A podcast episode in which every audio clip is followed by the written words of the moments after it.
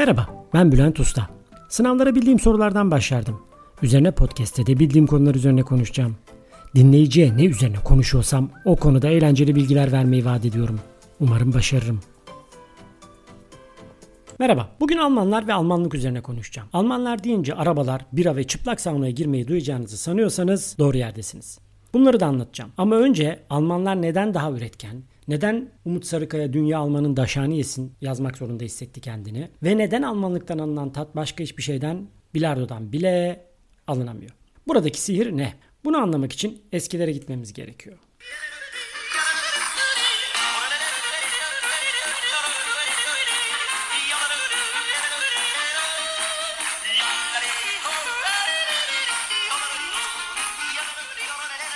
Evet, 1600'lere gidelim. Voltaire'in Kutsal Roma Germen İmparatorluğu için ne kutsal ne Roma ne de imparatorluk dediği dönemin bir öncesine gidelim.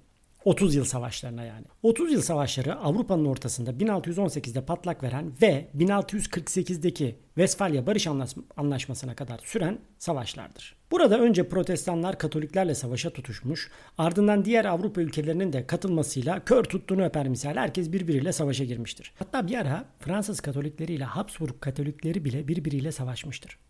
Kısacası bahçıvan şoföre, şoför aşçıya, aşçı uşağa sonra hepsi uşağı gibi bir durum olmuş.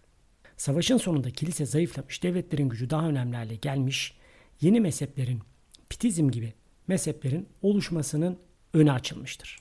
Bu akımlar aslında Hristiyanlığın dogmatik yapısından uzaklaşan akımlardır. Sonrasında Prusya kralı Büyük Frederik'e gelene kadar dini daha yumuşak kabul eden mezheplerle Orta Avrupa'da kilisenin gücü gittikçe zayıflamıştır. Gelelim konumuz Almanlara. O dönemde Alman topraklarında eğitim din adamları tarafından veriliyordu pastörler veriyordu eğitimi. Heidi'yi hatırlayın.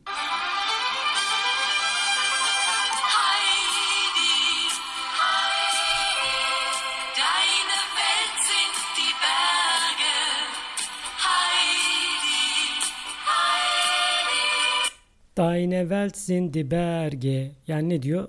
Senin dünyan dağlar. Büyük baba dağdan okula götürmek için ta şehre indiriyordu Heidi'yi. Sonra tekrar dağa çıkıyordu. Sonra almaya tekrar iniyordu. Tekrar çıkıyordu. Dev spor. Hatta kış olunca kar yolları kapıyordu. O zaman büyük baba götüremiyordu. Pastör kızıyordu.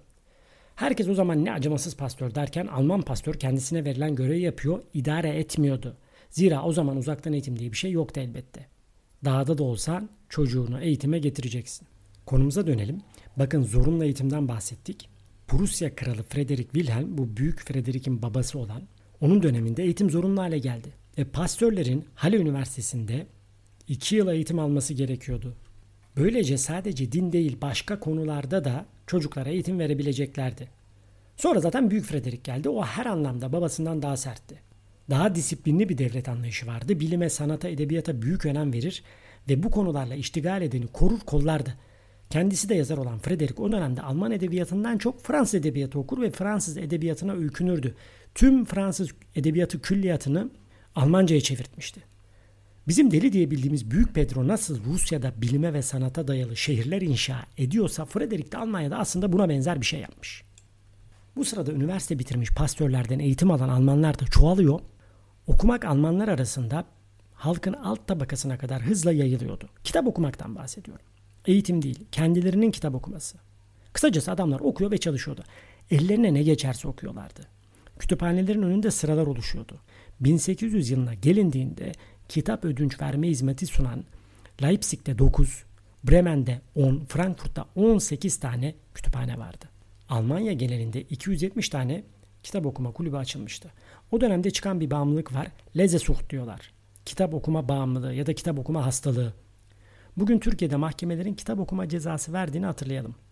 Ve ceza verilen tiplerden biri hapis yatmayı tercih etmiş. Ondan sonra Almanlar bizi kıskanıyor. Neyse devam edelim. Bu sırada Avrupa'da deizm de konuşulmaya başlanmıştı. Bu kelimeyi aslında ilk olarak 1500'lerde Cenevalı Pierre Viret kullanmış. Tanrı'ya inanmak ama İsa'ya inanmamak olarak tanımlamış. Şimdi ise genel tanımı Tanrı'ya inanmak ama dinlere inanmamak. Aydınlanma döneminde kendini deist olarak tanımlayan kişilerin sayısı artıyordu. Hatta Newton'un evrensel fizik yasalarını tanımlamasından sonra Mekanik ateistler diye evreni mekanik kurallara göre tanımlayan kişiler ortaya çıkmıştı. Evren sadece fizikle açıklanabilir diyorlardı. Almanya'nın aydınlanması yani Aufklärung'u işte bu şartlarda ortaya çıktı. O zamana kadar İngiltere ve Fransa'nın kültürel katkılarını harmanlayan Almanya, eğitimde de büyük bir atılım gerçekleştirince aydınlanmanın kralını yaşadı. Gelin önce eğitime bakalım. Daha önce de belirttiğim gibi Almanya'da eğitim ilk aşamada pastörlere emanetti. Evet bunlar üniversiteye gidiyor yani pastörler. Evet teoloji yanında çocuklara bilim de öğretiyorlardı. Ama din olgusunun zayıfladığı ve bilimin öne çıktığı Almanya'da bu sistem değişmeliydi çünkü yeterli değildi. Humboldt eğitimin başına geldiğinde ilk olarak üniversiteye girme koşullarına bir standart getirdi. Herkesin abitur diye bir sınava girmesini şart koştu. O dönemde abitur sınavı Yunan ve Latin metinleri baz alınarak yapılmaktaydı. Sınav soruları farklı ama abitur bugün halen var. Ve çok muhtemel abitur soruları 200 yıldır bir kere bile çalınmadı. Ayrıca sadece öğrencileri değil, öğretmenlere de eğitim verebilmeleri için sınava tabi tutuyorlardı. Burada ana konular tarih ve matematikti. Bakalım sen bu konuları çocuklara öğretiyorsun ama sen yeterince iyi bilebiliyor musun? Abitura öğrenci hazırlayan bir lise kurdu Humboldt. Buna gimnazyum deniyor. O da bugün halen var. Yani Almanlar halen 200 yıl önce kurdukları eğitim sistemini bugün de kullanıyorlar. Şimdi bir de sistemi her yıl değişen ülkeleri düşünün. Neyse mesaj kaygımız yok. Konuya devam edelim. Humboldt 1810 yılında Berlin Üniversitesi'nde kurdu. Felsefe fakültesinde filoloji, felsefe ve doğal bilimler yer alıyordu. Ayrıca hukuk, tıp ve teoloji fakülteleri de vardı. Berlin bir anda Arbeitsuniversität oldu. Hocalar ve öğrencilerle doldu yani. Ayrıca buradan mezun olanlar da alanlarında çalışıp hızla yükselmeye başladılar. Elbette İngiltere, Fransa gibi ülkelerde de benzer gelişmeler çok önceden başlamıştı ama Almanya'da bu ciddi bir disiplin ve metodolojiyle ivme kazanmıştı. Bu dönemde sadece bilim değil, Alman edebiyatı, tiyatrosu ve müziği de gelişiyor, dünyaca ünlü eserler yaratıyordu. Alman senfonileri Avrupa'da duyuluyor, içerdikleri felsefe Viyana, Paris ve Berlin kafelerinde tartışılıyordu. Müziğin felsefesinin tartışıldığı bir dönem yani.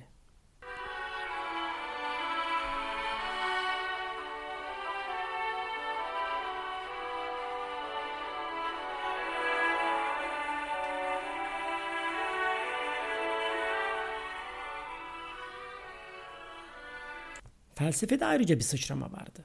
Leibniz ile başlayan bu sıçrama Kant, Alman idealizmi ve Hegel ile devam edecekti. Şu ana kadar aslında Büyük Frederick dönemi ve sonrasına özetsel bir bakış attık. Ama zemini çizebildim diye düşünüyorum. Alman kültüründeki patlamayı bu zemin üzerinde düşünmemiz lazım. Dikkat ederseniz daha o Alman mühendislere gelemedik bile. Ama o mühendisler bu kütüphanelerin, bu eğitim sisteminin, bu ortamın bir sonucu olarak ortaya çıkacaklar. Almanya için de her şeyin başı. Düşünme evresindeler. Önce düşündüler. Felsefe yapma lan denir ya. Felsefe yaptılar. Almanya'nın girişimini anlatmak yani bu noktadan alıp devam etmek çok daha uzun sürecek.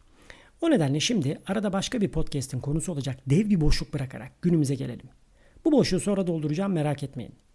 Amaç sadece buraya kadarki bölümü biraz sindirmek. Günümüze gelelim. 200 yıl önce kurulmuş bu sistemin öğrencileri iş hayatına girince çok daha az saatte, çok daha fazla iş çıkartabildiler. Elbette sadece okul eğitimi değil, aile eğitimi ve çevre de önemli. Düşünün herkes kitap okuyor. Bir yere geç kalan oldu mu toplumun geneli kızıyor. İşini kötü yapmak her şeyden önce ahlaki bir mesele. Ayıplanıyorsunuz. Bu nedenle Almanlar da iş sahiplendi. İşte sadece iş yapma, ciddiye alma, direktiflere uyma gibi temel unsurlar çok önemli. Ha bir de dakiklik. Punctuality. Bir yere geç kalmak düşünülemez. Erken gitmek konusunda da sorunları var. Diyelim 10 dakika erken gittiler. 7-8 dakika kapının oralarda dolaşırlar. Almanya'da dakiklik bir yaşam şeklidir. Kimse vaktinizi çalmanıza izin vermez ve kimse kimsenin vaktini çalmaz. Türkiye'de bir iş düşünün. Kaçınız biri sıkıntı yok ya hallederiz dediğinde sıkıntı olacak gibi hissediyorsunuz. Ustanın başında duracaksın abi. Durmazsan yapmaz. Parayı peşin vermeyeceksin. Verirsen olmaz. Benim memurum işini bilir. Dosyayı aradan sokturdum. Bilmem kim abinin selamı var. Herkes bu cümleleri duymuştur. Bu cümlelerin olduğu bir ülkede etkin çalışma olabilir mi? Peki bu cümleleri Almanya'da duyar mısınız? Bir Alman hanımefendinin İngiltere'de işe girdikten sonraki anılarına denk geldim. İngiltere'deki iş hayatında çok şeye şaşırmış. Şaşırdığı şeylerin başında İngilizlerin çok ara vermesi gerekiyor. Çalışırken çok ara veriyorlar diyor. Öğlene bir saat kala öğle yemeğinde ne yiyeceklerini, bu yemeği nerede yiyeceklerini konuşmaya başlıyorlarmış İngilizler. Alman buna da şaşırmış. İşle alakası olmayan konularda saatlerce konuş, konuşuyorlarmış. Buna da şaşırmış. Çünkü biz iş sırasındayız. Bunu nasıl konuşabiliyorlar diyor. Ben de Almanya'dayken orada çalışan bir İtalyanla iş yemeğinde buluşmuştum. Ona Almanya'da çalışmanın zorluklarını sordum. İltifat edemiyoruz dedi bana. İş yerinde kadınlara iltifat edince yanlış anlayabiliyorlar. Ve bunun cezası olabiliyor. Ayrıca kur yapmayı iş yerinde olmaması gereken bir şey olarak düşünüyorlar dedi. İtalya'nın derdi de ancak bu olur zaten. Sonuçta saçları bir yan dinlemişsin. Acqua de Gio'yu sürmüşsün. Takım jilet. E bir kur mu yapamayacaksın İtalyan delikanlısı? Evet bugün burada Alman eğitiminin temellerinin atılmasından ve bunun bir şekilde iş yapma sürecine yansımasından bahsettik. Birkaç podcast sonra Almanya nasıl endüstrileşti? Das Auto ve aspirine kadar giden Alman mühendisliği ve kimyasını anlatacağım. En sonda çıplak sahnolar ve biraya geleceğim. Şimdi bunu ilk başta anlatsak kimse Alman bilimini dinlemez. O nedenle çıplak saunalar ve bira en son. Peki bir sonraki podcast ne üzerine olacak? Çok önemli bir konu seçtim. Yıllarca gözlemledik durduk. Hatta dilimize pelesenk oldu. Kadınlar neden piç erkek tercih eder? Konumuz bu. Sonraki yayına kadar sağlıcakla kalın.